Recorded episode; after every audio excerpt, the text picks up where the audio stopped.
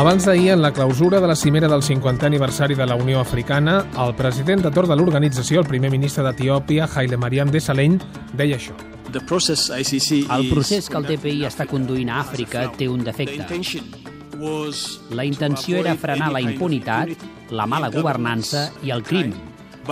Uh, Però ara ha degenerat en una mena de caça racial. Caça racial era l'acusació de la Unió Africana contra el Tribunal Penal Internacional, un tribunal creat l'any 2002 i que han causat una trentena de persones, totes del continent africà. Bru Rovira, molt bona nit. Bona nit. Uh, què et semblen aquestes acusacions de la Unió Africana? Dit així té raó, diguéssim. No? Sí. Sí. Només, ja ho dius tu, si hi ha 30 procediments oberts i tots són africans, eh, la pregunta que ve a continuació és és que només es cometen crims contra la humanitat o crims de guerra, etc els últims anys a l'Àfrica?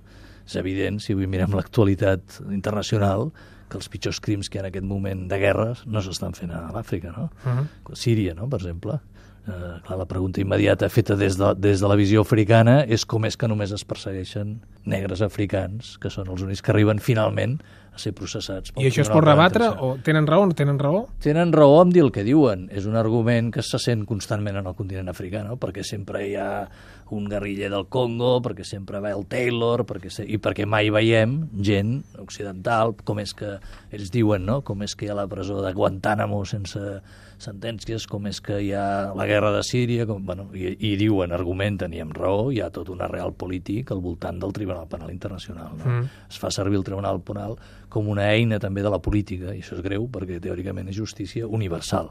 En la guerra de Líbia, per exemple, el TPI ja va anar amb el braç armat de la intervenció, ja processant i obrint expedients i investigant. No? En aquest sentit tenen raó. Passa que hem de tenir en compte també eh, qui ho diu i com ho diuen. No? O sigui, la pregunta per mi important seria el fet de que diguen això, què volen? Que el TPI si- sigui universal o volen deixar d'anar al TPI? Mm. O sigui, o volen tenir impunitat també davant dels drets humans determinats països. Clar, quan veiem que el primer que va reclamar això fa un temps, quan presidia la Unió Africana, era el Bobiang, Mm. queda clar que és un argument raonable amb unes intencions no raonables, que és que la impunitat. No?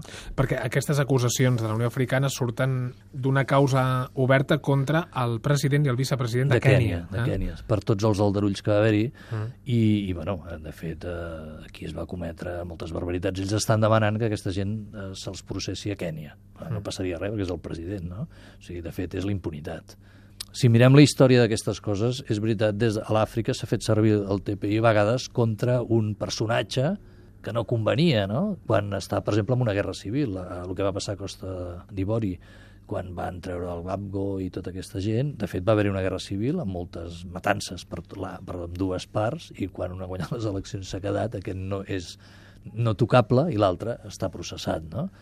Clar, eh, aquest joc polític és pervers i jo crec que fa molt, aquí n'hem parlat moltes vegades Sí. del tema aquest estrany de que el TPI no tingui una, aquesta cosa idealista i, i eh, interessant que es va, quan es va crear, que és el dret universal.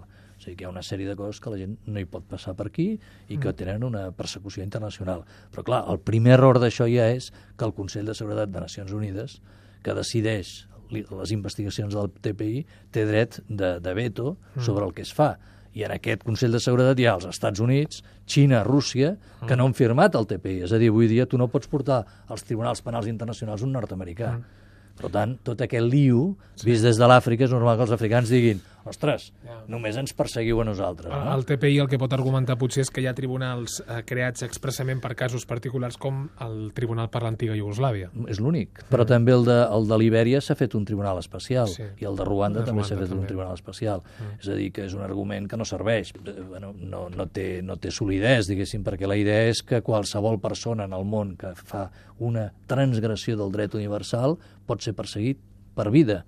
I, per exemple, la pregunta que tothom es farà és els atacs amb drons sense un procediment judicial previ eh, estan fora del dret internacional?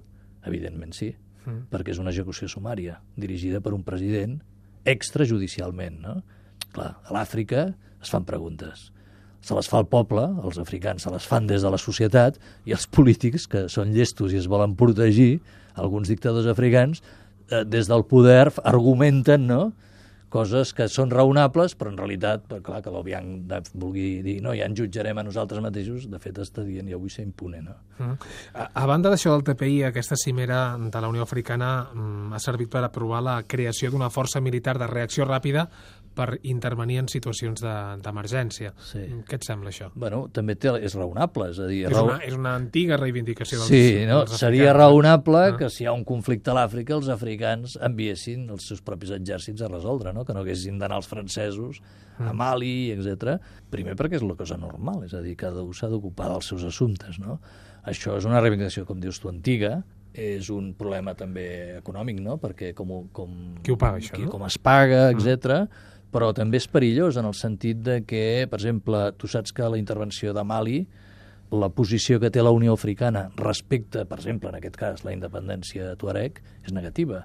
És a dir, la Unió Africana es va manifestar en contra de la possibilitat de que es construís un estat sense, eh, eh diguéssim, la centralitat de, del govern actual de Mali o de Bamako i tal, i no volien la independència de l'Atzawara i tota aquesta història. No? Per tant, eh, també vol dir que és fer política sobre Àfrica per la Unió Africana amb una sèrie de conflictes oberts que no tothom té aquestes posicions també respecte a les llibertats i els drets. No, no, no sé si t'hi has fixat, però moltes vegades parlant de qüestions diverses sobre el continent africà sempre hem anat a patar a la justícia internacional. Eh? No, això fa, fa, quan vam començar el programa, sí. jo era una de les obsessions que tenia perquè veia això, perquè és horrorós que jo vingui d'aquí a parlar amb tu i tal i estiguem parlant sempre que hi ha un procediment obert internacional sempre és un africà, no? Mm i ho trobo horrorós. O sigui, és, diguéssim, vol dir que el, el Tribunal Penal Internacional no està fent les seves funcions, no? És una eina eh, potent, eh? que serà molt útil, perquè, imagina't, eh, perseguir universalment les transgressions i els crims contra la humanitat és una eina magnífica, però no s'està fent servir així. El de Síria és que es clama al cel. O sigui, estem discutint si s'arma Síria, no? Però és que no, tots els informes que ens arriben de Síria és que hi ha unes transgressions enormes del dret internacional i segueixen, els russos segueixen tenint armes, eh, nosaltres ara... Es vol... l'embargament. Exacte. Llavors, ah. eh, per què no discuteixen tota la transgressió que significa aquesta guerra i per què no es va tallar, eh, per exemple, que pugui arribar armes en una guerra d'aquest tipus, eh, vol dir que no s'està fent bé la política internacional, perquè aquesta gent haurien de tenir sequetat total d'accés a les armes, no? Doncs aquesta és la pregunta que deixen en Bru Rovira. Bru, eh, moltes gràcies, bona nit. Tornem a parlar d'aquí 15 dies. Gràcies a vosaltres.